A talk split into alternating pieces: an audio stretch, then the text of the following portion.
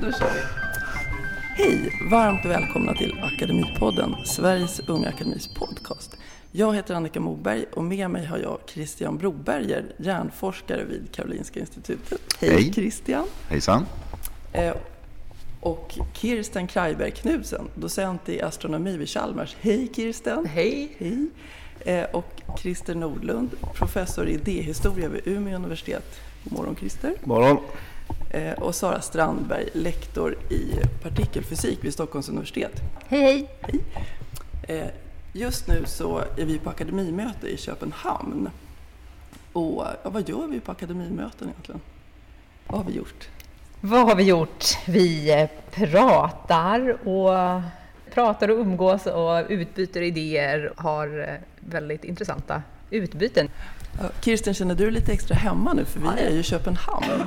Ja, jag har pluggat i Köpenhamn för många år sedan. Så jag tycker det är väldigt roligt att vara här. Vi fick ju igår träffa den danska unga akademi och det blev ju väldigt skandinaviskt vad det blev pratat där. Det var också väldigt spännande att se vad, vad de håller på med och vad, hur det är jämfört med oss. Det är ju väldigt lika, det är ju många olika problem och, och idéer de har som är, är väldigt lika vad vi också gö- gör. Ja, hur många var de ungefär igår? Ja, de var kanske 20 eller 22. De var lite färre än oss, men genomsnittligt är de ju lika många som oss, nästan. Ja, ni genom- genomförde ju en sån här speed dating. Hur gick det? Ja, det var jätteroligt. Vad går det ut på? Är att man får prata väldigt kort, ett, ett halvt minut varje med, med en av de andra personerna från det andra akademi och förklara vad gör jag och få lyssna på vad de gör och så försöka att hitta om man kan göra ett projekt tillsammans. Ja, vad spännande. Och nu är det dagen efter, tidigt på morgonen. Och ja, tidigt är ni trötta. Hur var det vi i Köpenhamn? Har ni någon som har varit på tivoli? Vi var på Tivoli igår. Ja, var det fint? Ja, det var så otroligt vackert. De hade julmarknad och alla ljusen var på och eh, det dracks glögg och tävlades. Och en del vann och en del förlorade. Vi behöver inte gå igenom de exakta resultaten. Jag förstår. Okej, idag så ska vi prata om tiden. Och tiden, den är väl alldeles underbar. Jag önskar bara att det fanns lite mer av den. Eh, det känns ofta som att man förlorar tid. Man tappar bort saker och man kanske handlar mat som redan finns i skafferiet när man har för många saker att göra. Det är som att man får mindre gjort när man gör så mycket. Det kanske är så att hjärnan tycker sig ha för många parallella saker på gång. Och så börjar det gå långsamt. Det är så att säga för många kockar i huvudet. Eh, Christian, du som är hjärnforskare inom neurovetenskapen, funderar man någonting kring tid där? Eh, man funderar en hel del kring tid ska jag säga. Det är inte exakt det jag själv håller på med men tiden kommer in i allting som hjärnan gör för att vi använder ju tid för att eh, på något sätt organisera vår eh, inre föreställning om den värld vi lever i och eh, knyter upplevelser och så till speciella tids, eh, tider som det har hänt. Så att eh, det finns ju med överallt. Sen är det fortfarande ganska dunkelt exakt hur hjärnan håller tid men, men det väcker mycket intresse. Ja. Sara, inom ditt fall så är tiden ganska central. Ja, det måste man väl säga att den är. Eh, och det som är lite intressant inom fysiken är ju på något vis att tittar man på fysikens grundläggande lagar så finns det egentligen väldigt mycket likheter mellan tid och rum. Men det enda som är skillnaden egentligen är ju att man ser att när man gör observationer på liksom makroskopisk skala så är det ju så att saker kan röra sig fram och tillbaka i rummet, höger och vänster, upp och ner. Men man kan bara röra sig framåt i tiden. Eh, och det är, ju, det är ju en sak som fysiker har funderat på väldigt länge. Vad är det som gör liksom, att, det finns en, att tiden har en riktning? Eh, och det man tror nu är att det beror på att saker, det finns en naturlag som säger att saker alltid måste gå mot mer och mer oordning. Det är lite samma sak som städar man på sitt skrivbord så är det väldigt sannolikt att det senare kommer att vara stökigt. Man skulle bli väldigt förvånad om man lämnade sitt skrivbord i ett stökigt tillstånd och kom upp på morgonen och det hade städat sig själv. Eh, och det är ju det som gör att vi upplever liksom, att tiden alltid har en viss riktning. Eh, men det är någonting som har gäckat fysiker länge och något som vi funderar mycket på. Och hur tid och rum hör ihop och om man skulle kunna resa i tiden eller inte. Ja, det finns mycket man kan Ja, på. som Einsteins relativitetsteori. Vad in, varför heter det relativitetsteori egentligen? Vad är det som är relativt? Ja, precis. Det där har ju att göra med att ja, det, det, enklaste att tänka på är väl kanske att när man tittar på någons rörelse så är den alltid relativ någon annan. Så om, eh, om jag sitter på ett tåg eh, som går med konstant hastighet och åker förbi dig som står på perrongen så tycker jag ju, även du tycker att det är jag som rör mig förbi dig och du står stilla. Men jag tycker ju att det är jag som står stilla och du som rör dig förbi mig åt andra hållet. Eh, och det är väl det som, som man kan säga är det relativa kanske i relativitetsteori. Eh, och sen så, men det leder ju också till när man räknar på det där att, att det är mycket saker som vi tycker i vårt dagliga liv är absoluta som inte är det, till exempel tid. Vi tycker ju i vårt dagliga liv att jag och Kirsten och du och, eh, att tiden går lika fort och vi är överens om när klockan är åtta och när klockan är sju. Men om någon av oss börjar röra oss mycket fortare än den andra eller om eh, en av oss är i ett starkare gravitationsfält än den andra så kommer våra klockor faktiskt att börja ticka olika fort. Eh, och det gör ju också att saker som vi tycker är absoluta faktiskt egentligen är, är relativa på något vis. Men i olika gravitationsfält, hur då menar du? Ja, eh, det, det, är en väldigt, väldigt välkänd effekt. Det är ju Einsteins allmänna relativitetsteori som säger att ju starkare gravitationen är, eller ju mer krökt rumtiden är, kan man också säga, eh, desto långsammare går tiden. Eh, så det är faktiskt så, och det här kan man ju tycka låter flummigt, men det är, det är en effekt som, man, som, gör väldigt stor, som har väldigt stor effekt på vårt dagliga liv faktiskt, för att en sak, så, sån sak som GPS-systemet, eh, som ju bestämmer positionen på jorden för våra mobiltelefoner och vad det kan vara, det skulle ju aldrig funka utan, utan att ta hänsyn till den här effekten. För det är så att de här satelliterna som snurrar runt jorden, 30 stycken tror jag det är, eh, som hela tiden skickar ut signaler om vad klockan är eh, och var de befinner sig. Det är de vi använder för att, för att bestämma positioner. Eh, och varje sån här eh, satellit har ju ett atomur med sig som håller tiden väldigt noga. Eh, men de här satelliterna, dels så rör de sig ju med en viss hastighet, men också så är de ju på en ganska stor höjd uppifrån, eh, uppifrån jorden. Eh, och det att de rör sig lite grann, det gör att Einsteins speciella relativitetsteori säger att tiden hos de här borde gå lite långsammare, för att om saker rör sig fort så går tiden långsammare. Men sen finns det också Einsteins speciella relativitetsteori som säger att i och med att de är längre upp från jorden så är gravitationen svagare och då borde tiden gå lite fortare. Och den här andra effekten är större än den första, så de facto är det så att klockan hos de här eh, atomuren uppe på satelliterna går snabbare än klockan här nere på jorden. Och det är en så pass stor effekt faktiskt så att efter bara två minuter så blir positionsbestämningen hos GPS-systemet fel om man inte tar hänsyn till det här. Och efter en hel dag så kan, kommer man flera kilometer fel i positionsbestämningen om man inte tar hänsyn till den här korrektionen. Så det är någonting som man absolut kan mäta och kan övertyga sig om att det här stämmer. Ja, Christer, hade du någon? Ja, jag tänkte på det som du sa med att vi, vi alla har samma tid. Vi har ju alla exakt samma tid sa du. Och då tänker jag att man nog också måste skilja på upplevd tid och objektiv tid. Att det finns en tid som är mätbar, ett naturligt fenomen kan man säga. Och en tid som är so social, alltså, alltså tiden som socialt fenomen. Och den eh, upplevda tiden kan ju faktiskt variera väldigt mycket. Hur man upplever tiden. Det kan variera till exempel tror jag um, om man är barn eller om man är vuxen. Om det är tidigt på morgonen när man har mycket att göra eller om det är på natten när man ligger och försöker somna man inte kan somna och tycker att tiden går väldigt långsamt. Så det finns en sån dimension också. Och som, är, som inte går liksom, den, går ju, den, den subjektiva eh, sociala tiden är ju liksom svår att mäta. Utan det kanske man mer ser i, i, i beskrivningar i skönlitteratur eller i den typen av, av, av beskrivningar eller berättelser. Sen hänger de här grejerna ihop också, för även den, den, den, den mätbara tiden mäts på väldigt olika sätt, eller har mätts på väldigt olika sätt. Och att, att förhålla sig objektiv eh, till tid eh, kräver ju då att alla har samma skala att utgå ifrån. Alltså inte bara vi som sitter här, utan så många som möjligt på hela jorden. Och där har det verkligen varierat oerhört mycket över tid huruvida, alltså vilken klocka man har gått efter och vilken, vilket datum och sånt där. Och hur man ska räkna datum. Ja, jag tänkte på det. Eh, som Christer sa, att det finns ju en väldigt subjektiv upplevelse av tid. Och det vet vi ju själva att eh, om man sitter och tittar på någonting som man inte har någon särskild relation till så känns tiden på ett visst sätt. Men om de ska sitta och stirra någon rakt i ansiktet i fem sekunder så känns det som klockan går väldigt, väldigt långsamt. När man frågar människor hur lång tiden har gått så, så tar de ofta fel där så att säga när det finns en känslomässig upplevelse till hur länge de har suttit och, och gjort någonting. Eh, sen kan man också se att det finns olika sjukdomar där, där människor tidsuppfattning, just man, man ber dem fråga hur länge någonting har pågått där den är påverkad, som Parkinsons sjukdom till exempel. Man vet också att vissa signalsubstanser som man kan ge eh, eller eh, droger som påverkar de signalsubstanserna, alltså centralstimulantia, kokain och så här, kan också påverka så att de kan antingen sträcka ut tidsupplevelsen eller så kan de göra tidsupplevelsen mera komprimerad. Så att det, det kan finnas, det finns sätt som, som, som hjärnan så att säga, gör att tiden känns på olika sätt och det kan finnas sätt att, så att säga, manipulera den upplevelsen också. Ja, man kan fråga sig när i åldern som, som den där, äh, nu minns jag faktiskt inte det, mina barn är ganska stora, när man började att förstå att man måste skynda sig och vad klockan är. Det tror jag många som ja, har kontakt med barn känner igen det där, att de förstår bara inte vad det innebär. Känner du till det Christian, när man, när man börjar förstå tid?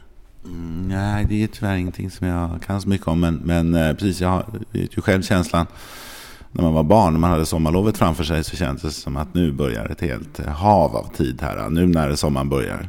Liksom så, herregud, du ska hinna med innan höstterminen är igång igen. Och det är klart att det, det kan göra med att man har lärt sig att man har andra åtaganden och sådär också. Men det kan ju också vara att, att hjärnan har, eh, kanske på ett tråkigt sätt, lärt sig att tolka tiden som mera ändlig. Sen är det där också att, att förhålla sig till tid på ett, eh, ett sätt som är liksom att man måste hålla tiden, som man säger. Det är, det är ju också ganska nytt, alltså i förhållande till att man har en klocka. För det första så måste man ha en klocka som alla är överens om och som man ska följa. Och det var inte vanligt, eh, det är bara de senaste några hundra år vi haft det så. Liksom under antiken så skulle man ju, det var ju helt enkelt eh, oseriöst att stressa eller att försöka eh, Liksom, det är ungefär som Skalman i Bamse. Va? Det, det var det ultimata. Och fram till 1400-1500-talet så levde ju människor inte efter någon tid. Utan man gjorde det man behövde göra när det var dags. Liksom, va? Ut, utifrån, men sen med moderniteten, när, när klockorna kommer på, eller urverken på 1400-talet och det börjar finnas i alla städer och man börjar inrätta verksamheter efter klockan, det är ju framförallt arbete, va? att man får timlön och sådär. Då måste man hålla tiden. Och man får betalt för det man har gjort. Man måste passa tider. Och då blir tiden oerhört liksom moraliskt viktig i samhället. Till det, det, vi har idag. För om man inte, kan, om man inte funkar i relation till, till tiden idag, då funkar det inte samhället heller. Så det är liksom en lärprocess man måste lära sig från liten idag. Att, att lära sig att hålla tiden helt enkelt.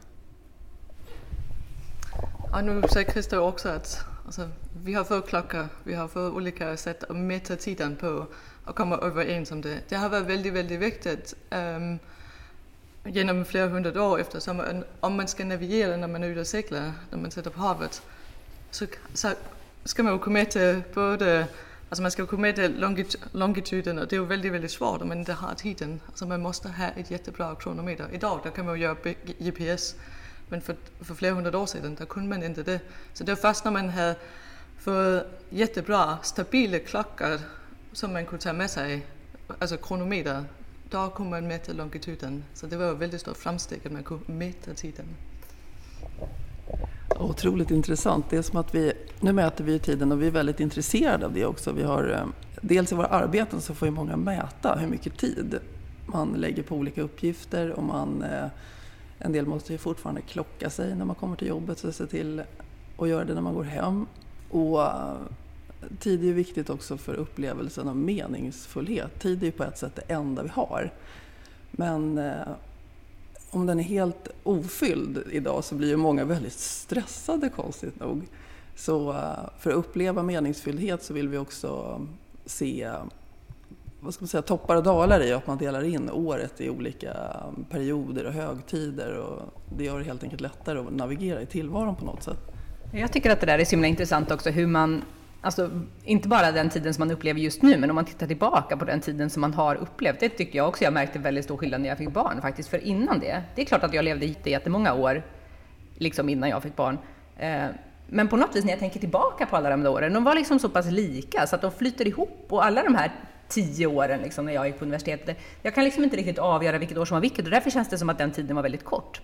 Men sen så fort man får barn och man har liksom en person i ens närvaro som, som hela tiden växer och varje år är den här personen väldigt, väldigt annorlunda. Så har man liksom helt plötsligt nya hållpunkter hela tiden och tiden går så otroligt mycket långsammare. För att man har så mycket saker att liksom hänga upp det på, så alla dagarna blir liksom distinkta och man kommer ihåg dem var för sig. Och det gör att de här senaste liksom, fem åren nu jämfört med de 20, 30 åren som jag ledde innan är liksom, känns nästan lika långa fastän de förstås reellt sett är väldigt olika långa. Så det tycker jag är rätt spännande. Att, det har ju att göra med hur hjärnan upplever tid antar jag, att man på något vis ändå tiden som har förflutit är ju någon sorts, i alla fall för mig, någon sorts fotografier liksom, som ligger efter varandra. Och är det väldigt många fotografier så tänker hjärnan att det måste ha gått en lång tid. Och är det väldigt få fotografier så har det gått en kort tid. Liksom. Det är rätt spännande. Ja, ett av de här mysterierna med hur vi, hur vi upplever tid är ju att vi har alla de här minnena, men hur får vi in sekvensen så att säga? Hur vet vi vad som hände före och efter något annat? Och det kan ju antingen ha att göra med så här stora livshändelser om när man tog studenten och när man fick barn, när man gifte sig. Men det kan också ha liksom när man Eh, i eh, badrummet när man har duschat, när man borstat tänderna och sådär. Vi har ju en, en, jag tänkte på det Sara sa också om, om att eh, tiden är, går bara i en riktning så att säga. Men eh, hjärnan har ju utvecklat ett sätt som vi kan resa i tiden och det är ju minne så att säga. Det finns en väldigt framstående brittisk hjärnforskare, Richard Morris, som har sagt att memory is what allows us to transcend the present. Att, att det tillåter oss att leva i någonting annat än exakta nuet. Inte bara då att vi kan gå bak i tiden och komma ihåg vad som har hänt förut i, i våra liv. Men det är faktiskt också minne som hjälper oss att planera framåt. Vi kan förutsäga saker. Så att eh, vi, vi, tänker inte så ofta på minne som någonting som lär oss att navigera tiden, eller så att säga utnyttja tiden. Men det är faktiskt vad vi gör, att vi kan, vi kan resa i våra huvuden fram och tillbaka i tiden. Vi är inte låsta i, i bara i nuet. Då tänker, kommer jag helt osökt att tänka på Augustinus bekännelser. Ungefär tror jag 300 efter Kristus. Och han föreslog just den där att man skulle kunna tänka sig att tiden är indelad i tre delar. Alltså det finns en nutid, det finns en förflutenhet och det finns en framtid. Och det är ju rätt chockerande egentligen att tänka sig, för framtiden finns ju inte. Men, men eh, han, han resonerar så. Det är klart att det hänger på så, på så sätt. Så tänker vi ofta idag också, att det är de här tre delarna och att nutiden beror på våra minnen och erfarenheter från det som har varit. Fast det, det finns ju inte heller kvar. Och vi planerar och inrättar våra liv inför en framtid som inte heller finns, men som vi hoppas kommer att finnas. Sen tror jag det här med tidslinjen, alltså att tänka i linjär tidsuppfattning, det är också ganska inte nytt ska jag säga, men det är väldigt oerhört typiskt europeiskt, liksom, modernt att göra så. Det vanliga har nog varit, tror jag, att man har tänkt med cykliskt. Va? Och det är också så eh, tidsuppfattningen eh, hänger ihop med hur vi definierar, alltså kronologiserar saker och ting. Som året, dagen som kommer och går. Plus att vi också hittar på en del grejer, så helt konstruerade grejer i, i kalendern. Va? Som till exempel vecka. Det behöver ju inte finnas, det är ju inget naturligt med det. Och framförallt inte att det ska vara sju dagar. Eller en timme för en del, det behöver inte heller vara 60 minuter. Det hade vi kunnat hitta på på ett helt olika sätt och det har funnits många olika sätt för det också. Så att eh, till exempel efter franska revolutionen, då, då bestämde man att år noll, det är nu, alltså när Frankrike är färdigt. Inte romarrikets grundande eller Jesu födelse. Och så sa man, det är ju helt eh, knäppt att ha sju dagars vecka, vi har tio dagars vecka. Nio arbetsdagar, en ledig dag. Och istället för 60 minuter på en timme så har vi 100 minuter på en timme, 100 sekunder på en minut. Och tre veckor på en månad. Det var väldigt smart egentligen. Och det, det funkade i några år och sen kraschade Frankrikes handelssystem. Och det säger någonting också om det med tid. Va? Tiden måste funka någorlunda väl över stora delar av världen för att man ska kunna sköta sådana social, liksom samhälleliga system. I, och i, och jag tänkte också på att i Sverige hade vi olika tid fram till sent 1800-tal i olika delar av landet. Det är först då, när man inrättar järnvägen, som man måste börja synka klockorna så att klockorna i alla städer går ungefär likadant, så vi har samma tid att tala om. Nu, nu säger du att det är, ju, det är ju inte ett, på det sättet, varför måste vi ha sju dagar i veckan eller varför måste vi ha fyra veckor i månaden? Alltså, en del av vår tid, vi har ju definierat, det är ju kulturellt betingat hur vi definierar ett sekund och, och så vidare. Men det är ju, på ett sätt är vi ju också bundet på vår rörelse runt om jorden och, og, og månens rørelse runt om, nej, vår, vår rörelse om solen och, og månens rørelse runt om jorden. Og der har man, om man tittar på månen så är den ju i fyra olika faser. Så vi har en ny måne, vi har en, en, en kort första kvarter och fullmåne och, och sista kvarter. Och det ger ju fyra veckor på en månad. Så det, det, det är ju kanske lite att det också kommer därifrån att en del av vår rytm kommer ju från, från den astronomiska sidan av vår, vår, alltså planetens plats i solsystemet. Ja, jo, som jag sa, den typen av cir cirkulär grej som återkommer, det, så är det visst det. Och en del grejer är oerhört gamla, så det med att dela in, eh, dela in eh, ett dygn i 24 timmar, det är väldigt gammalt. Det är liksom från de äldsta grejerna vi har. Och faktiskt också när de första, de första urverken kommer på 1400-talet, då är de indelade i 24 sektorer. Och det tycker jag är väldigt smart egentligen. Det hade varit mycket lättare att lära barn klockan om vi hade haft kvar den istället för att vi gjorde som vi gör nu, att vi har 12 sektorer på ett urverk. Va? Så man ska gå två varv. Så det är en blandning av att observation, menar, observationer skapar tid. Skulle jag säga. Observationer skapar tid oavsett om vi ser på månen eller, andra himlakroppars rörelse eller på barns uppväxt. Eller så, va? Observationer skapar tid. Eh, så en annan grej när vi alltså, pratar om, om, om tiden och det, det som är redan är hänt, alltså det som har skett för, för lång tid sedan så tittar vi ju på historien. Vi försöker titta på vad som, vad som har hänt kanske för, för tio år sedan, vad som har hänt för hundra år sedan, vad som har hänt för, för tusen år sedan och försöker sätta det ihop med hur vi, vad som händer idag också sån, på historiskt sätt. Vi försöker också att förstå universum. Det är ju lite min grej. Men att när vi tittar på något som är väldigt avlägsna, alltså ljuset rör sig ju rör sig med en ändlig hastighet av 300 000 kilometer i, i sekundet. Så när vi ser något som är väldigt avlägset så det så har det ju också tagit väldigt lång tid för ljuset att komma till oss så vi kan se det. Det vill säga något som är mer avlägset, ännu längre bort så tittar vi tillbaka i tiden. Så hur länge borta något är, hur länge tittar vi tillbaka i tiden? En slags tidsresa. Så det är väldigt roligt på det sättet att vi kan konstruera och försöka förstå universums historia, likadant som vi kan försöka förstå vår egen historia, alltså människans historia här på jorden. Otroligt spännande. Eh, det skulle jag fråga dig nu. Är det någon gång i ditt jobb som du känner att tiden, eh, vad ska man säga, när man upplever att det inte finns nog med tid för det är så roligt?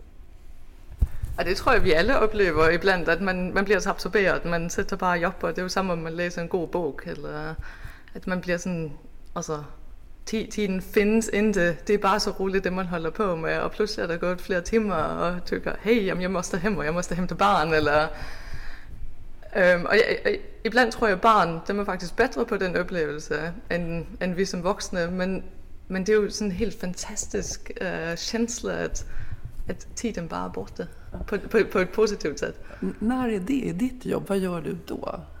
Ja, när jag sitter och försöker förstå, försöker skriva ihop en artikel och det är in, ingen som kommer och knackar på dörren och vill prata med mig. Och bara kan, bara kan ha tiden och fundera på hur stort universum är eller, eller hur, varför avlägsna galaxer ser ut som hur de skulle se ut idag. Alltså det, det kan, där kan jag ta väldigt mycket tid. Christian, när har du sådana stunder i jobbet? Mm, ja, jag kan få det när jag sitter och tittar på eh, en medarbetare kommer in och visar ett nytt resultat. Och så tittar man på det och så helt plötsligt så förstår man. Och gärna tillsammans också. Det är den där kollektiva upplevelsen av insikt kan vara ganska... Då står tiden still. Eh, och jag tycker precis som Kristina att det är just det där när... Som sagt det är fantastiskt med minne för det tillåter oss att, att åka fram och tillbaka i tiden. Men det kan ju vara ett problem också. Det är en ganska skön känsla att leva i nuet. Som eh, inte alltid är så lätt att, att, få. Men just när man liksom sitter och, och får en plötslig insikt och, och saker faller på plats. Då känner jag att då då är inte tiden där så mycket. Så att säga. Då är man väldigt mycket i nuet. När, när, eh, skulle du önska att, att det bara var slut? Att, att vad var slut? när, när är det lite det som du gärna skulle vilja vispa förbi på jobbet? Ja, alltså som forskare så har vi ju ständigt deadlines till eh, ansökningar och saker att förhålla oss till. Och de, eh, de kan ju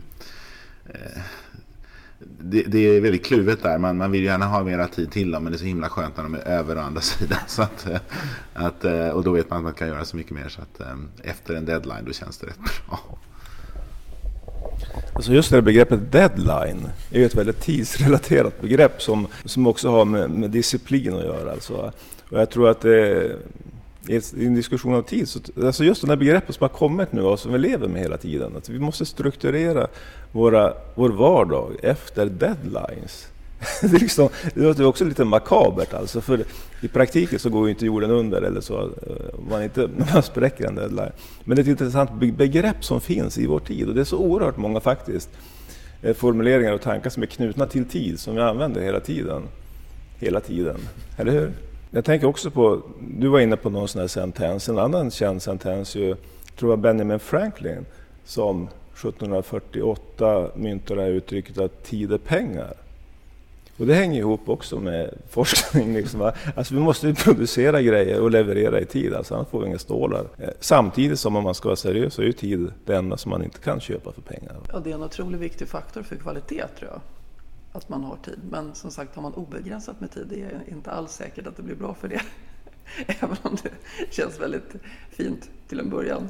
Sara, i ditt jobb, när upplever du att eh, tiden bara försvinner? Oj, när försvinner bara tiden? Nej, men den försvinner förstås, tycker jag, när man har ett riktigt eh, klurigt problem att lösa som man är ganska nära att lösa. Det man, ibland har man ju kluriga problem att lösa som man inte vet hur man ska lösa alls. Då kan tiden gå väldigt långsamt.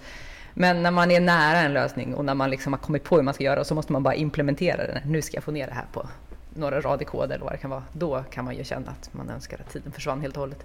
På några rader kod, sa du det? Ja, och man måste.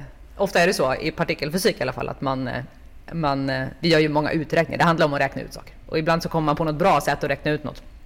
Och då måste man ju tala om för sin dator hur man ska göra det. Så då gäller det att överföra den här tanken man har fått i huvudet till, några, till programmeringsspråk som datorn kan förstå och utföra. Det är liksom det som är utförandefasen. På något sätt nej, då kan det kännas som att man... Jag skulle bara vilja säga det här, ni säger att, att man inte kan köpa tid för pengar. Det där är ju lite intressant, för det handlar ju hela tiden om att vi tycker att tiden är någonting absolut som vi inte kan ändra, men egentligen så skulle vi ju kunna köpa tid för pengar. Bara, vad sa du nu? Vi, finns det en chans i framtiden?